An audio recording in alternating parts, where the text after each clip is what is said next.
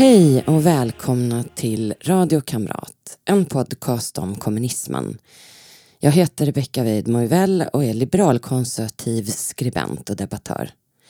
Syftet med Radio Kamrat det är att fylla det hål av kunskap om kommunismens förtryck som finns och som gör att kommunister trots all fakta ändå anses rumsrena.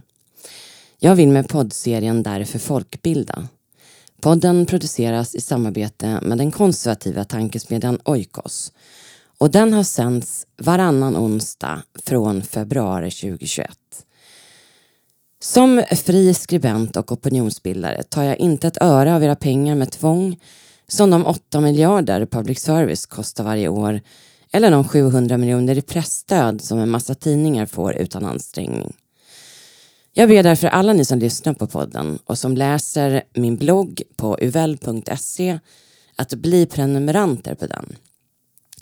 För bara 45 kronor per månad plus moms får du tillgång till alla de över 1700 inlägg jag skrivit sedan 2014 och alla nya gräv och granskningar.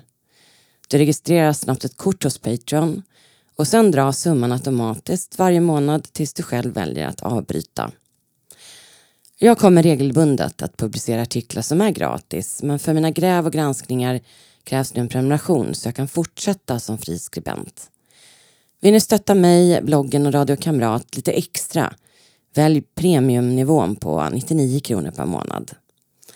Om ni inte vill eller kan bli prenumeranter men vill stötta podden kan ni fortfarande swisha till 123 444 5847. Det här avsnittet, det är det näst sista. Jag har släppt totalt 56 avsnitt hittills. Så serien kommer att landa på 58 avsnitt. Några stycken är Radio Kamrat Extra.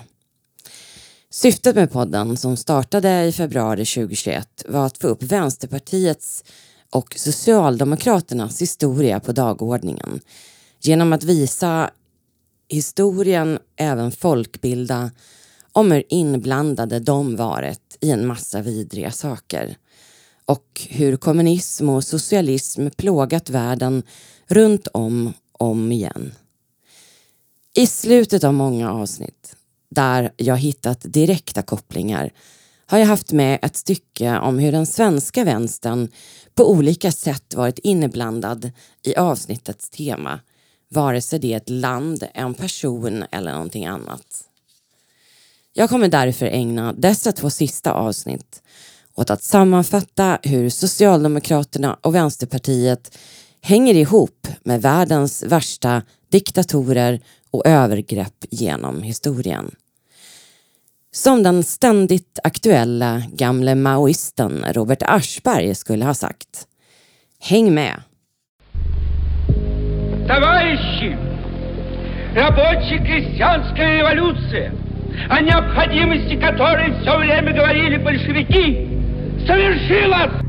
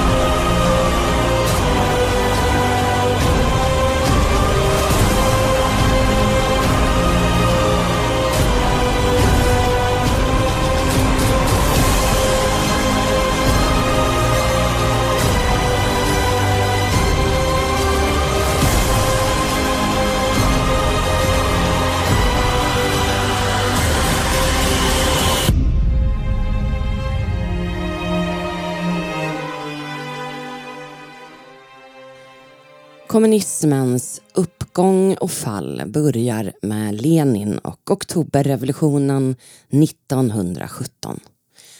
Det ryska socialdemokratiska partiet bildades på 1880-talet men 1903 splittrades partiet i två falanger, en revolutionär och en demokratisk. Revolutionärerna kallades bolsjevikerna Vladimir Iljitj Uljanov organiserade utbrytningen och blev deras ledare när han levde i exil i Zürich. Han åkte hem med tåg när den första inledande revolutionen skedde i februari 1917 och han passerade Sverige på vägen hem. I en artikel i Svenska Dagbladet från 4 december 2017 av historikern Dick Harrison kan man läsa följande om Lenins besök i Stockholm. Bland svenska socialister i allmänhet och vänsterradikaler i synnerhet var den kände ryssens resa en stor begivenhet och Lenin han träffa flera av dem. Otto Grimlund, senare en av hyresgäströrelsen och HSBs främsta namn, var på plats redan i Trelleborg och delade kupé med Lenin. Och Jakob Fürstenberg, alias Jakob Hanecki, den socialistiska affärsmannen som ordnat den rika förplägnaden på Savoy på vägen till Stockholm. De diskuterade det spända politiska läget i Sverige och Hjalmar Brantings möjligheter att agera efter ministären Hammarskjölds fall. I Stockholm väntade Fredrik Ström, Ture Nerman och borgmästare Karl Lindhagen. Stockholmsuppehållet, som är förevigat på fotografi, varade från gryning till skymning den 13 april.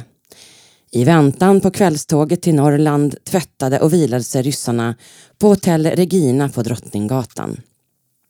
Lenin sökte övertyga sina svenska vänner om vikten av väpnad kamp, inte bara fredligt prat och predikade energiskt om proletariatets diktatur. Dessutom tiggde han pengar.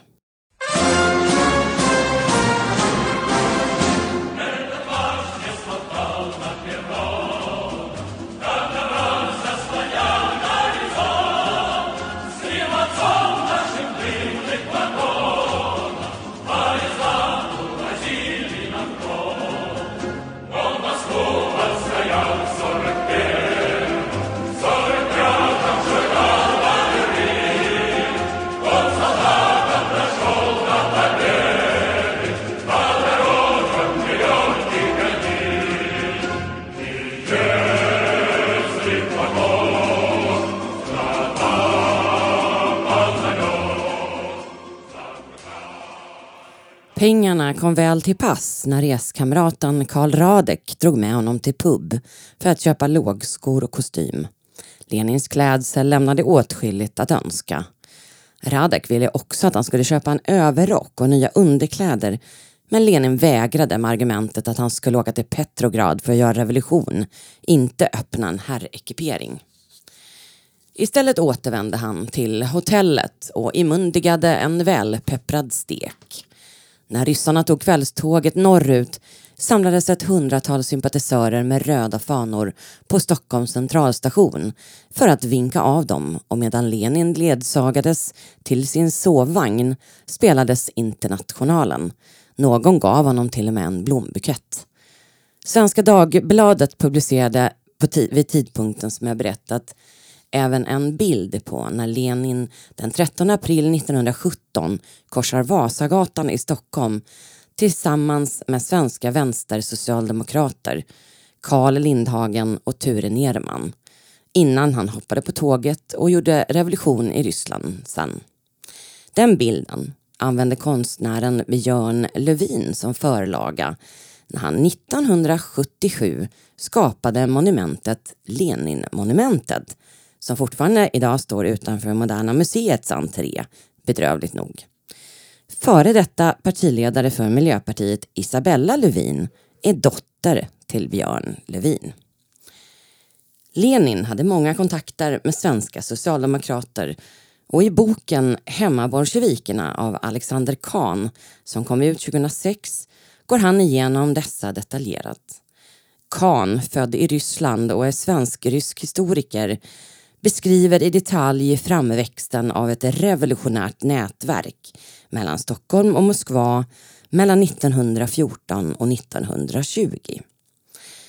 De ryska och svenska socialdemokraternas relationer fördjupades efter första världskriget och Sverige blev ett viktigt såväl exilland som transitland för ryska revolutionärer. Bolsjevikernas representant i Norden fick till och med materiellt stöd av Socialdemokratiska partiet, SAP. Seth Höglund och Ture Nerman tillhörde den lilla vänsterfalangen av SAP som kallades SSV anslöt sig 1915 till Lenins falang på internationella Simmerwaldkonferensen och kort därefter utvecklades tidningarna Stormklockan och Politiken till propagandakanaler för bolsjevikerna. Tack vare ryssarnas nära kontakt med svenskarna blev Stockholm en viktig plattform för propaganda under ryska inbördeskriget.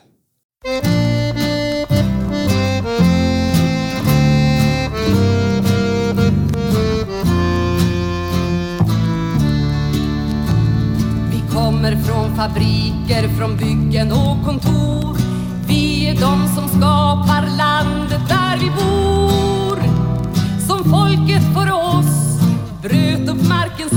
Så är det också vi som ska bygga framtiden. Men landet som vi älskar med skogens dunkla djup fabriker, stål och slätter och bergens branta stup.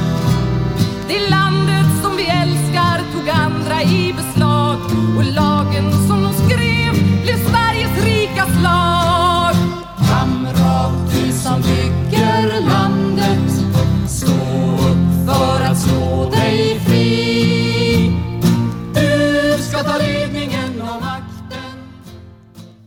Seth Höglund blev sedermera bolsjevikernas talesperson i Sverige. Det är en vanlig föreställning, en av Socialdemokraterna noga odlad myt, att det var socialdemokratin som gick i spetsen för det demokratiska genombrottet i Sverige, medan högern strävade emot. Var det socialdemokratin som drev på.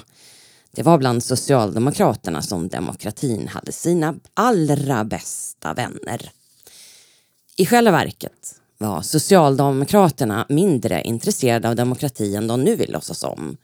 Bland tongivande sossar under Lenin återfinns bland annat Hinke Berggren som avvisade strunt som allmän rösträtt och föredrog terror som kampmetod. Svenska Dagbladet recenserade också Alexander Kahns bok när den kom ut och skrev följande. Därmed kom de svenska hemmabolsjevikerna att ge sitt bidrag till att gruppen kring Lenin lyckades kidnappa den ryska revolutionen och kanaliserade den bort från demokratin i riktning mot den proletära diktaturen.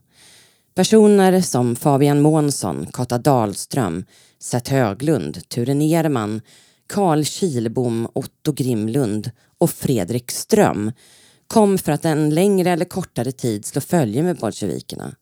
För dem var den ryska oktoberrevolutionen eh, det som blev ledstjärnan. Att också Sverige skulle bli kommunistiskt var förhoppningen. Till den revolutionära ledningen i Ryssland skrev Grimlund 1919 Vi väntar nu på att revolutionen ska internationaliseras. Så fort detta sker slår Sveriges timma. Det hela slutade, inte oväntat, i en begäran om pengar. Vi hemställer därför till eder att i världsrevolutionens intresse utanordna så stora anslag som möjligt. Under rysk-polska kriget 1920 när den röda ryttararmén för en stund tycktes gå segrande fram skrev Ström i dagboken Må Budennis hästar snart dricka både Spes, Sen och Themsens vatten.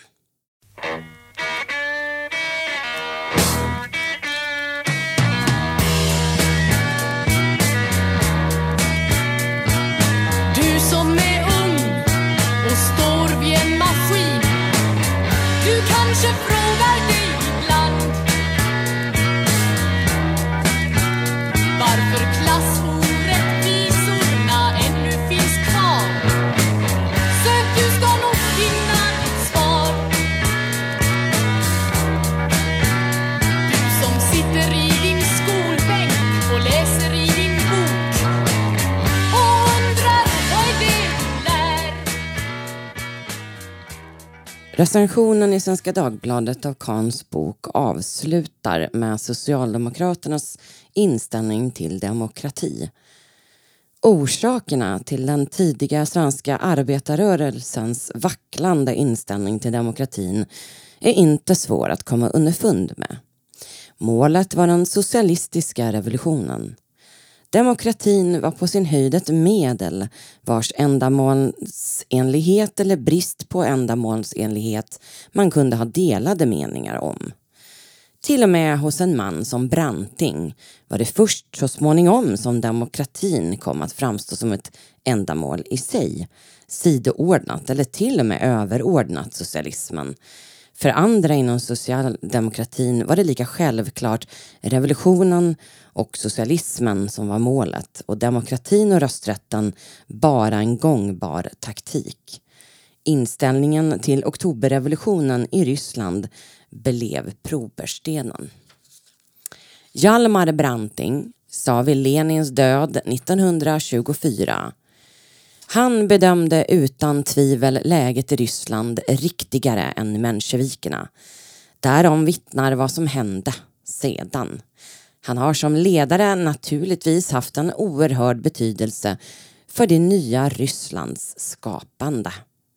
Socialdemokraten Gustav Möller fyllde i med, sam med följande ord samma år.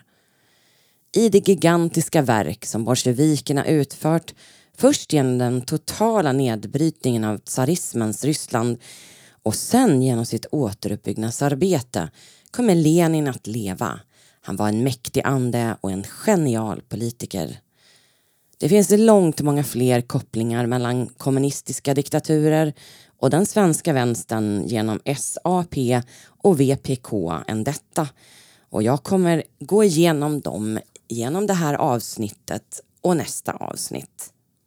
Bye.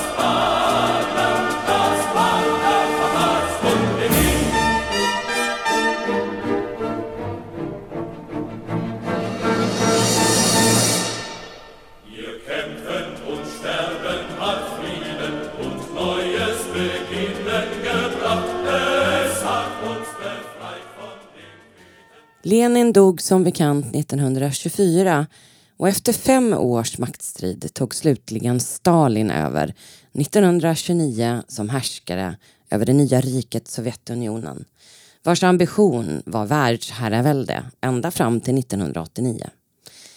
Men även hans skräckvälde supporterades av den svenska vänstern.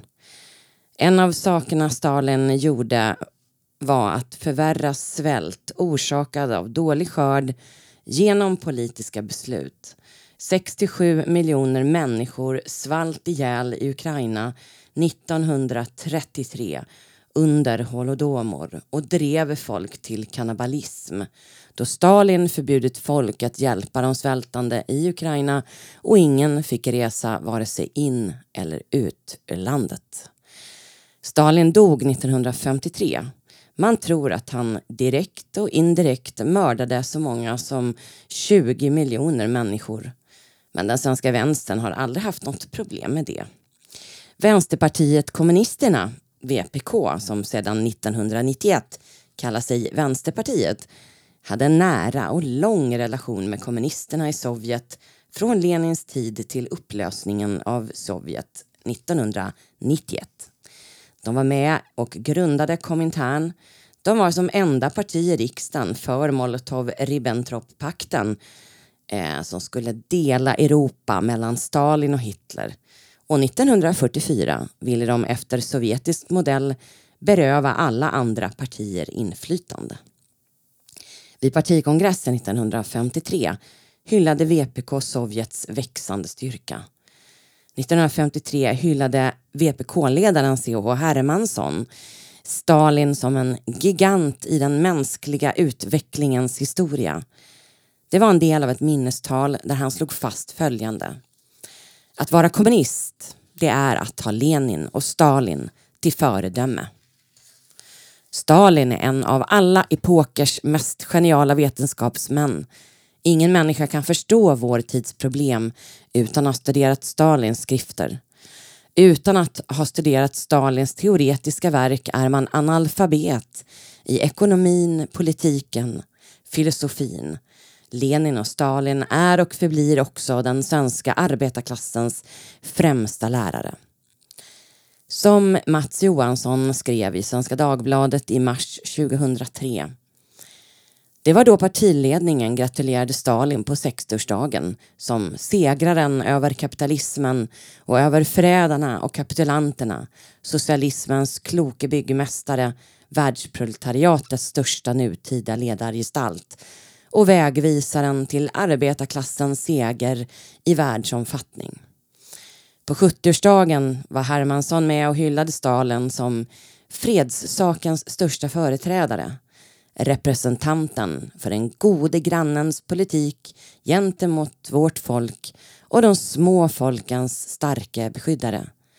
Medan denne som höll, bäst höll på att förslavade folken i öst. De historiska citaten är hämtade ur Staffan Skotts standardverk om Vänsterpartiet Liken i garderoben lever än från år 2000.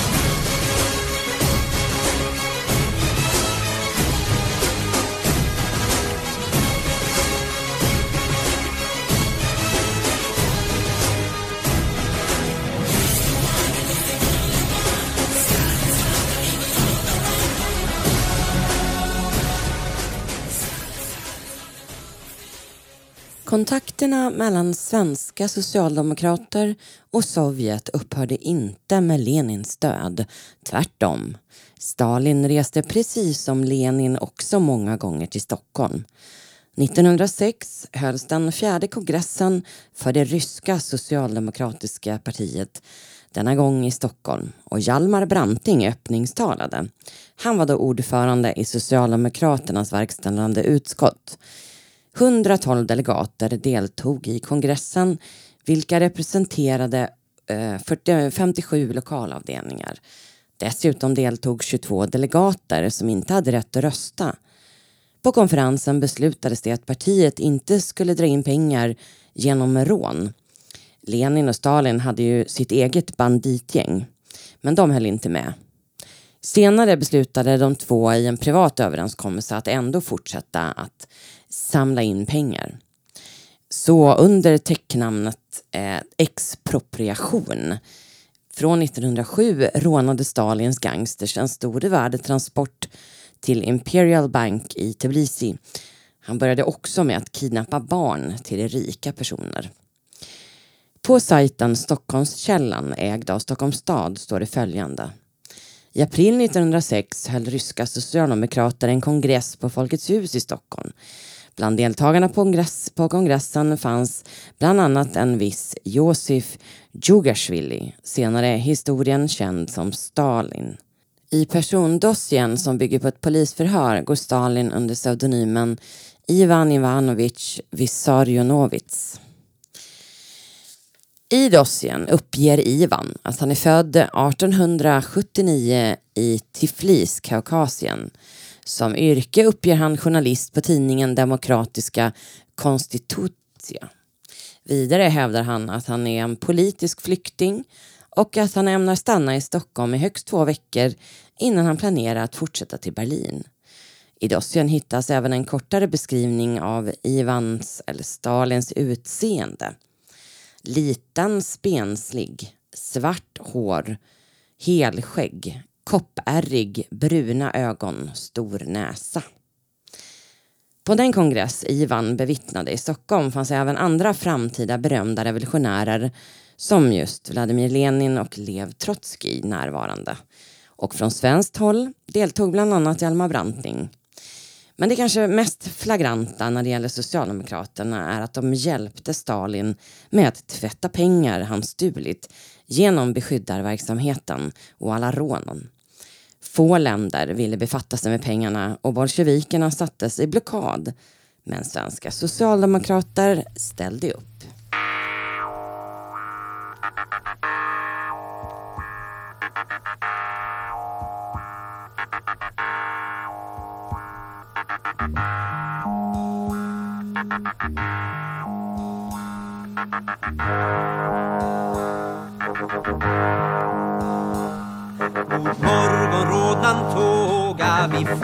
I kampglad takt och våra hjärtan låga till strids mot mörkmäns makt. Vi vandrar fram i täta led, arbetarungdom går du med. Vi är ditt unga garde, du proletariat. Vi är ditt unga garde, du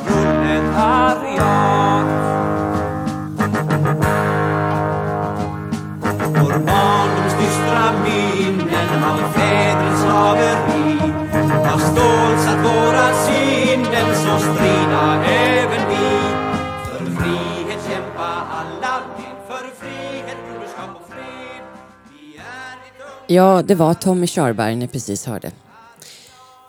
Tonvis med guld fraktades från Reval i Estland till Stockholm. I huvudstaden smältes det ryska stulna guldet ner, gjordes till nya attacker, fick nya stämplar och vips så var de tvättade. Ingen kunde spåra dem till Ryssland. Det tvättade guldet kunde sedan säljas på marknader i London, Paris, New York och pengarna packades buntvis och fördes till Ryssland med kurirer, via Stockholm såklart. Smugglare, kurirer, fartygspersonal, finansmän och diplomater rekryterades till ett stort nätverk. De svenska vänstersocialisterna i dåvarande Vänsterpartiet SKP som bildades 1921 av gamla vänstersossar det vill säga under den här tiden, hjälpte till så mycket de orkade med smugglarverksamheten. Framförallt koordinerade de alla kurirer som reste fram och tillbaka med sedelbuntar och guld i bagaget. I centrum stod Olof Aschberg, den gamle maoisten Robert Aschberg som morfar och företaget Svenska Ekonomiaktiebolaget. Hur var det då med Socialdemokraterna? Hur var de inblandade i den här enorma häleriverksamheten som byggdes upp mellan Stalin och Stalins svenska röda bankir Olof Aschberg där Stockholm var hela Sovjetunionens pengatvätteri. Aschberg och Hjalmar Branting bodde nämligen grannar i det hus på Norrtullsgatan 3 som Branting ärvde av sin far. Brantings barn Georg och Sonja var med och grundade Svenska Ekonomiaktiebolaget 1917 och satte det styrelse som i sin tur gav styrelsearvode. Genom sina goda kontakter in i arbetarrörelsen fick Aschberg i gengäld tillgång till kunder och kunde locka tusentals att placera sina sparpengar i hans banker och köpa andelar i hans bolag. Staten och kapitalet i samma båt, bokstavligen. Och hus.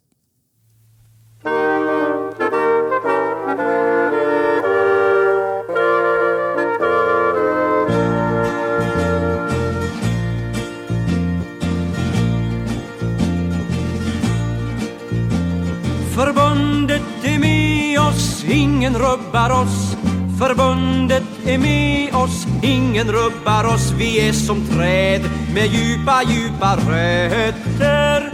Ingen rubbar oss. Ingen, nej, ingen rubbar oss.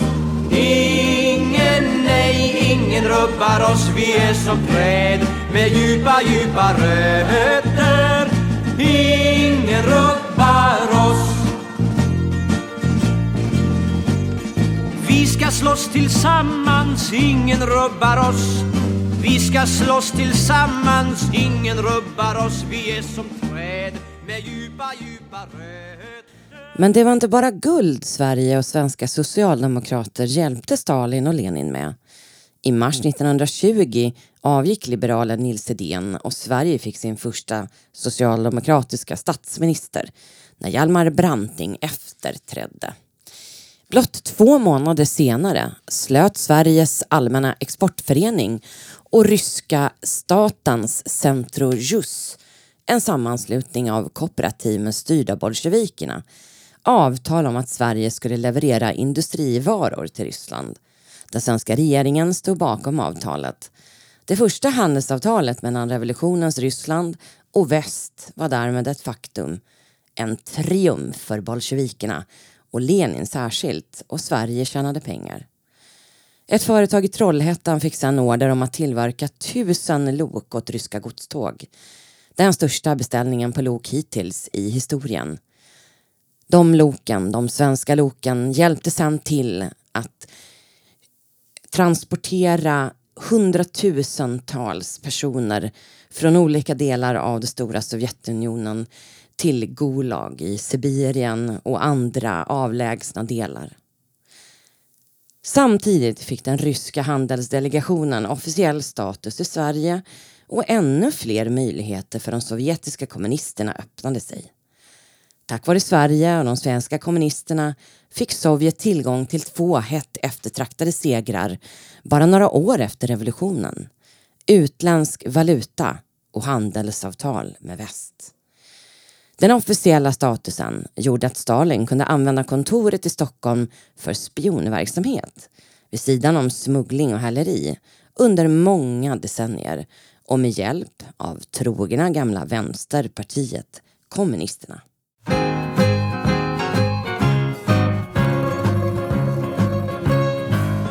mot kamrater till upp romaner, Vår röda fana, vår röda fana kamrater till uppror manar Vår röda fana ska segern ge.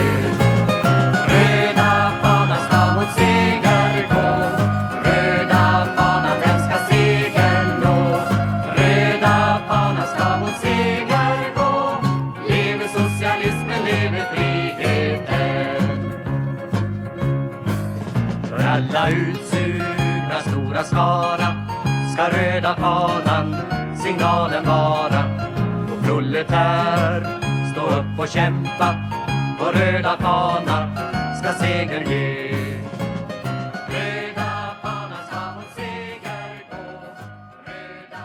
Det stulna guldet skulle dock ta slut, det visste Stalin. Kommunisterna behövde en mer konstant pengakran och det blev den stulna oljan de framförallt tog från de svenska bröderna Nobel och holländska Shell. Problemet var att ingen ville köpa olja av revolutionärerna. De var bojkottade eftersom oljan var stulen. Alla utom Sverige. Till slut var det ett litet brittiskt bolag som hävde blockaden och de sovjetiska kommunisterna bestämde sig för att snabbt bygga ut mackar i Storbritannien, Tyskland och Frankrike. När oligopolet dumpade priserna kunde man matcha det genom att lägga sig under i pris och fick på så sätt en ordentlig bit av marknaden av den brittiska bensinmarknaden eftersom de, den stulna oljan var ett statligt bolag så kunde man sätta vilket pris man vill. Tack vare Nobelbolaget kunde grunden till detta läggas och tack vare Aschbergs affärer fick man viktiga finansiella tillgångar för att utveckla verksamheten. Och tack vare Einar Kruse och andra svenska kommunister i det som blev Vänsterpartiet kommunisterna startade 1928 det svenska bolaget Aktiebolaget Nafta Syndikat. Ordet nafta kommer från persiskan neft som den lättflytande oljan från Baku kallades. Idag finns ordet kvar i svenskan i till exempel produkten lacknafta. Fem svenska styrelsemedlemmar ägde röstmajoriteten.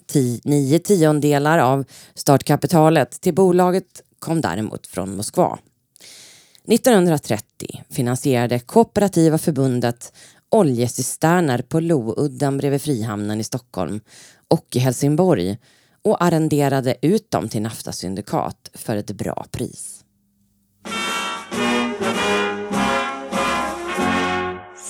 Se, folkets fana lyser röd Den färgas vid martyrers död Den minner oss om deras mod Som gett sitt röda hjärteblod. Så låt oss höja vår standard.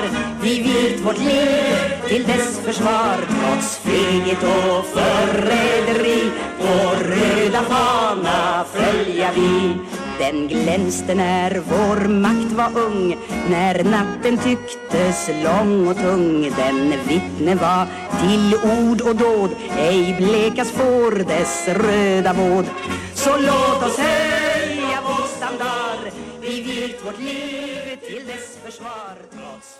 Bolaget bestod av två avdelningar, en rysk och en svensk, där den senare leddes av Einar Kruse. Den svenska delen bestod i sin tur av personal som var politisk och kom från Vänsterpartiets föregångare SKP och personal som inte var politisk. De opolitiska förstod oftast inte att företaget användes för spioneri, även om några faktiskt slog larm. Dels var den ryska personalen misstänkt och ointresserad av själva oljeföretagandet, men desto mer intresserad av svensk infrastruktur och dels vad de tolkar den ryska delen fick i praktiken alltid medlemmar ur kommunistpartiet som fick en del av sin träning av ryssarna. Man bytte helt enkelt spioneri mot kommunistisk rysk indoktrinering. Vänsterpartiets före detta partiledare Sven Linderoth var till exempel en av de partimedlemmar som följde med ryssar som påstods vara kontrollanter. Det vill säga, han fick utbildning av det ryska kommunistpartiet man var en förlängd del av. Hjärtman och Wadström hette två före detta chefer på en naftasyndikat som anmälde bolaget till polisen. Och det visade sig när polisen undersökte verksamheten närmare att 150 sovjetiska medborgare kommit till Sverige för att antingen arbeta på handelsdelegationen eller på Nafta bara på ett år 1931. Och folk bytte också hattar. De kom hit för att jobba på den ena och bytte. Med förevändningen att rekognosera för nya mackar kunde ryssarna kartlägga allt möjligt. Vägar, hamnar, kustområden, vattendjup, vägarnas hållfasthet, avstånd, flygplatser, bebyggelse etc.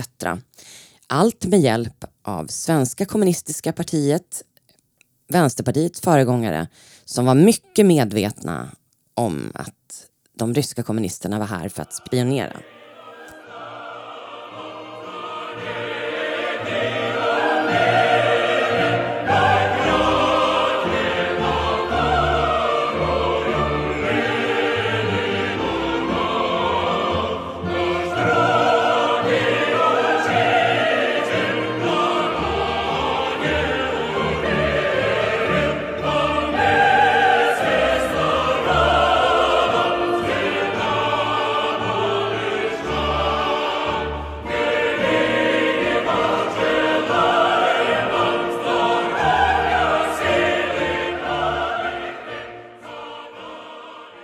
1937 såldes Nafta-syndikat och mackarna bytte namn till Gulf.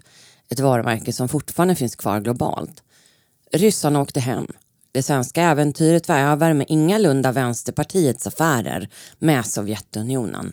De bestod till 1989. Som av en slump fick Vänsterpartiet mycket bättre ekonomi plötsligt efter att Nafta-syndikat sålts och Einar Kruse började arbeta på heltid åt kommunisterna. Genom åren har bidragen till partiet förmedlats via bolaget och partimedlemmar fick anställningar. Från hösten 1937 och framåt gjorde Vänsterpartiet en rad satsningar. Som att bilda Tryckeriaktiebolaget Östermalm med aktiekapital på 90 000 kronor vilket motsvaras av 2,7 miljoner idag. Där trycktes partiets tidning Ny Dag. Man startar också bokförlaget Arbetarkultur som gav ut verk av Stalin, Lenin och Marx.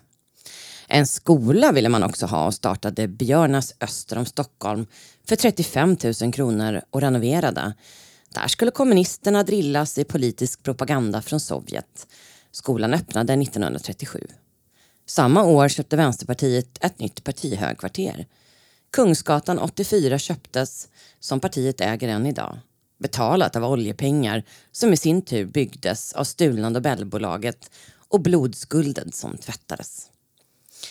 Einar Kruse var företagsam och fortsatte att starta kommunistiskt ägda företag. 1964 gjorde polisen en genomgång och totalt nämndes 182 bolag som hade kopplingar till SKP. Många såldes sovjetiska och andra öststaters produkter i Sverige som Ina Film som sålde sovjetiska filmer till svenska biografer. Vänsterpartiet fick kontanta bidrag från Sovjet ända till 60-talet och sen förtäckta bidrag.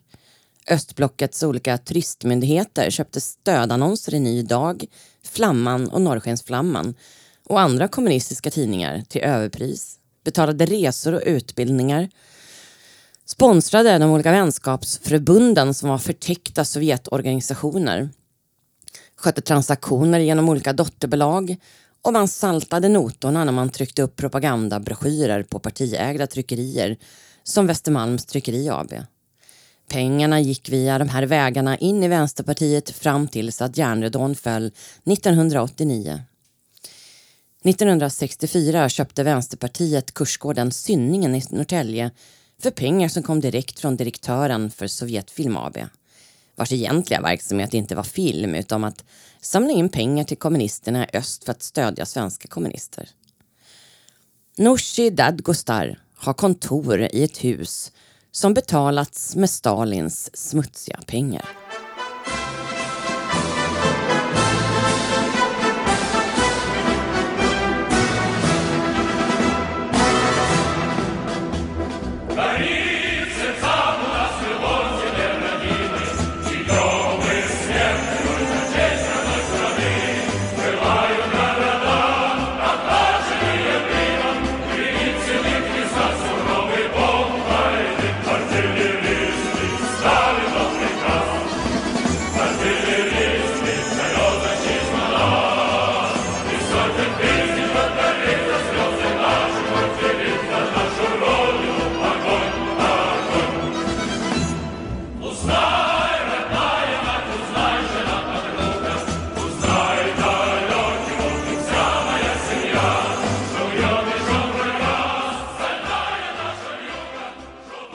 Vänsterpartiet har utan konkurrens riksdagens smutsigaste och vidrigaste historia som de överhuvudtaget inte gjort upp med.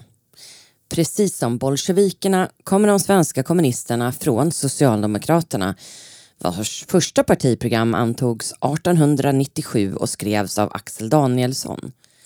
Där stod det att målet var en total omdaning av samhället där allt privat ägande skulle uppgå i samhällelig ägo exakt samma mål som bolsjevikerna hade. Men detta skulle ske genom erövring av den politiska makten som i sin tur skulle ordnas så att den ekonomiska makten tilldelades arbetarna. Den fackliga organiseringen var central för att uppnå målen. Men alla socialister gillade inte den fredliga vägen svenska SAP valde. 1917 när bolsjevikerna tog makten i Ryssland då bildades en radikal vänsterfalang i Socialdemokraterna, inspirerade av de händelserna. De kritiserade Hjalmar Brantings försiktigare politik. Han vill uppnå samma mål, men utan revolution och inte lika extremt. Medan radikalerna ville gå samma väg som bolsjevikerna. I Sverige rådde vid tidpunkten för revolutionen i Ryssland livsmedelsbrist, vilket spädde på motsättningarna i partiet. Så 1917 bröt sig kommunisterna i Socialdemokraterna och hela SSU ur och bildade Sveriges socialdemokratiska vänsterparti, SSV. De hyllade Lenin och inspirerades djupt av den röda segern i Ryssland. 1920 bildade Socialdemokraterna sin allra första regering. Den nya generationen socialdemokrater var då Per Albin Hansson, Gustav Möller och Ernst Wigforss bland annat. Efter olika splittringar hette partiet Sveriges kommunistiska parti vid andra världskriget och leddes av Sven Linderoth. Det var det som blev Vänsterpartiet kommunisterna. Som enda parti i riksdagen 1939 röstade de för Molotov-Ribbentrop-pakten då Stalin och Hitler kom överens om att dela Europa mellan sig, Stalin-lojala som de var. Nooshi Dadgostas företrädare Sven Linderoth hyllade Stalin 1939 på hans 60-årsdag och sa Ur hela komplexet av Stalins omätliga historiska insatser vill jag gripa ut en detalj. Tillkomsten av icke-angreppspakten mellan Sovjetunionen och Tyskland som i blixtbelysning illustrerar Stalins geni och hans betydelse i den internationella politiken. 1940 stödde såklart SKP Tysklands invasion av Norge. Vid tidpunkten är fortfarande Stalin och Hitler allierade i Molotov-Ribbentrop-pakten. Partiorganet Ny Dag skrev dagen efter invasionen av Norge det är de små staternas beskyddare England och Frankrike som med sin flagranta kränkning av Norges suveränitet framkallar detta läge.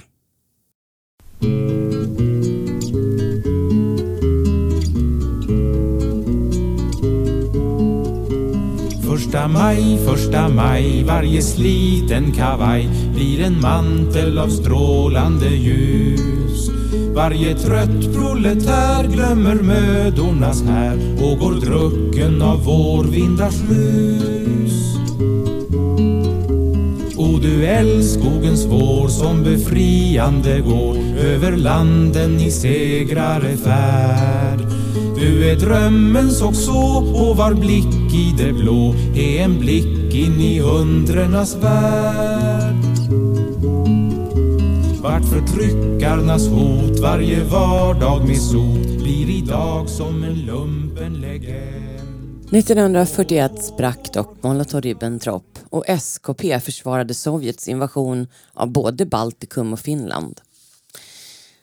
SKP, det som blev Vänsterpartiet kommunisterna och idag Vänsterpartiet, var alltså med i Komintern från att de var med och grundade organisationen 1919 tills dess att Stalin upplöste den 1944. Även Linderoths efterträdare Hilding Hagberg älskade Stalin. 1930 blev Hagberg invald i SKPs politbyrå och var 1933 del av partiets delegation till Kominterns sjunde kongress i Moskva 1935. Hagberg var minst lika Moskvatrogen som Linderoth och försvarade Sovjet i Ungernrevolten 1956, nedskjutningen av den svenska DC-3 över Östersjön, byggandet av Berlinmuren, utvisningen av Alexander Solzhenitsyn. Och ingreppen mot fackföreningen Solidaritet i Polen. Han var alltid på fel sida i historien, liksom Linderoth. Och partiet generellt varit sedan de bildades och även idag. När Stalin dog 1953 skrev centralkommittén för SKP i Sverige. En stor och smärtsam förlust har drabbat hela den framstegsvänliga mänskligheten. Stalin är död. Vår tids största folkledare och statsman. Den socialistiska samhällsvetenskapens geniala mästare. Kommunismens banerförare har gått ur tiden. Nya ledningen i Kreml vill städa bort Stalinkulten men pengarna till Svenska vänsterpartiet, kommunisterna, fortsatte komma ända fram till 1989. Den, eh, det sovjetiska kommunistpartiets avdelning för kontakter med utländska partier, tog över verksamheten som Komintern drev ända fram till 1989. Framförallt den internationella fackföreningsfonden för hjälp till vänsterorienterade arbetarorganisationer. Därifrån kom huvuddelen av bidragen efter 1950. Minst 563 miljoner dollar betalades ut från Sovjet till kommunistpartier världen över fram till järnridåns fall. Praktiskt gick det till så att någon framträdande partifunktionär reste till Moskva eller gick till ambassaden i Stockholm och skrev på ett kvitto. Sen fördes pengar över på olika sätt. Från början via kurirer, sen via KGB. Vanligtvis kände bara ett par personer till transaktionerna. Medlemmarna informerades inte. Partiet kunde till och med lura medlemmarna på pengar ibland genom att de privat betalade resor till Sovjet som redan var finansierade. Även saker som sättmaskiner och tryckpressar var vanliga gåvor för att främja kommunismen i andra länder. Ledande partikamrater och förtjänta aktivister man ville belöna fick gratis resor till Sovjet. Vänsterpartiet fick från 1950 varje år bidrag från Sovjet på mellan 20 000 dollar och 70 000 dollar. 1963 fick de 150 000 dollar. När bidragen slutade komma 1964 fick de som jag berättat ändå stöd via Nafta-syndikatet och alla de affärer de startade ihop med Stalin.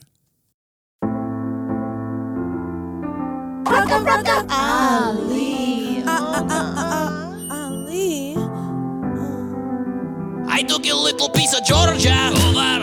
Decided to expand the border. Russia. I like to eat a bowl of borscht. Wave to my people from the porch. Yeah, that's it. And I kill all like ten or so million for the greater benefit of the Union of the Soviet Republics that I run. Then I kill more, 20 million, not that much. Some Ukrainians. Yeah, just out population. I took a little piece of Georgia over. Revolution into all of Russia.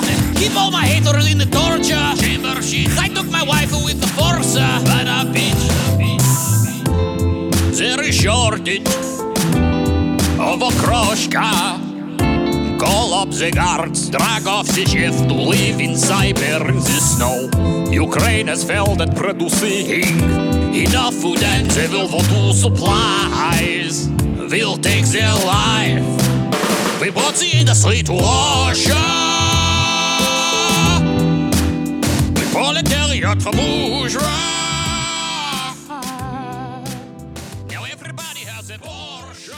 Genomgången och sammanfattningen av Socialdemokraternas historia och hur deras historia finns med i kommunismens hela historia som en röd tråd fortsätter i nästa avsnitt som sänds helgen innan valet.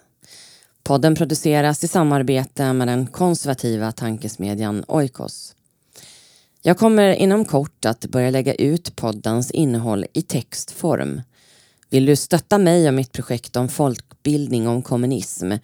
Bli Patreon för bara 45 kronor per månad plus moms. Tack för att ni lyssnat och på återseende.